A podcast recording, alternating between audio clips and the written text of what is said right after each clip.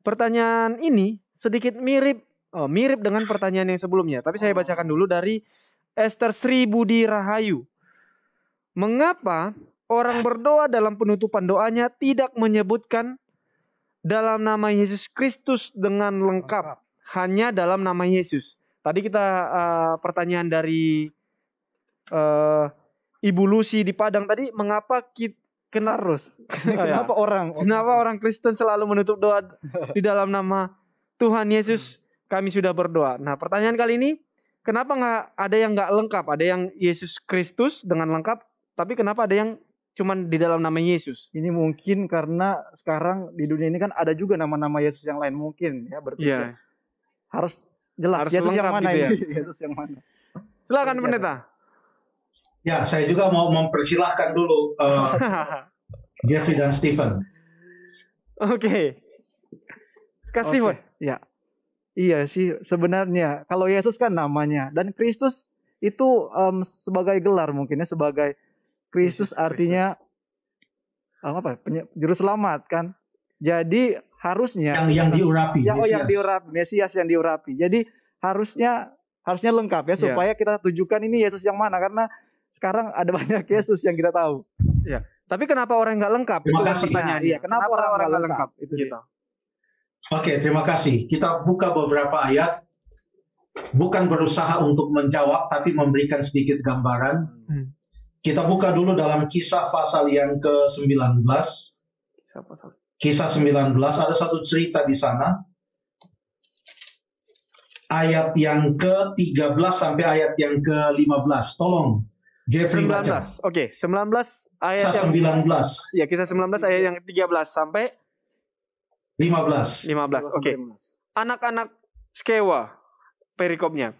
Juga beberapa tukang jampi Yahudi yang berjalan keliling di negeri itu mencoba menyebut nama Tuhan Yesus atas mereka yang kerasukan roh jahat dan berseru katanya, Aku menyumpahi kamu demi nama Yesus yang diberitakan orang yang diberitakan oleh Paulus. Mereka yang melakukan Oke, sampai situ dulu. Hmm. Jadi mereka mengatakan demi nama Yesus atau Ya. di dalam nama Yesus. Ya. Ya kan? Hmm.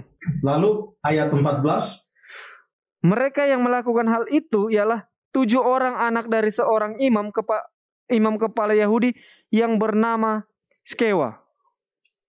Oke, lalu apa kata roh jahat itu? Ayat yang ke 15. Tet- Tetapi roh jahat itu menjawab, Yesus aku kenal dan Paulus aku ketahui, tetapi kamu siapakah kamu? Hmm. Padahal hanya dikatakan dalam nama Yesus. Huh. Iya. Tidak pakai Kristus. Tapi roh jahat itu sudah tahu Yesus yang mana ini. Iya, iya.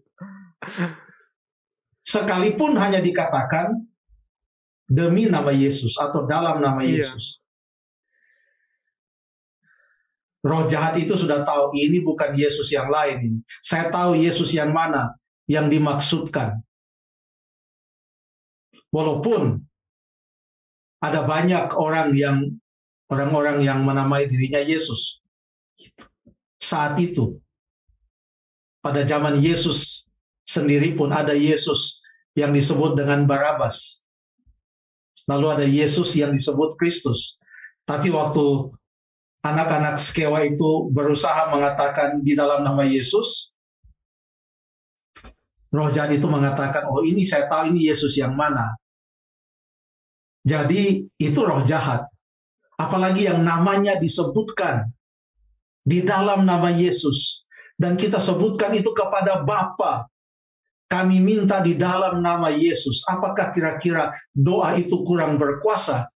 Lantaran kita tidak sebutkan di dalam nama Yesus, Sang Mesias yang diurapi, Sang Kristus itu. Apakah tidak didengar?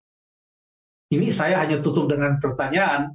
Tapi boleh kita baca juga di dalam Lukas pasal yang keempat, sorry, Lukas 8 ayat yang ke-45. Lukas pasal yang ke-8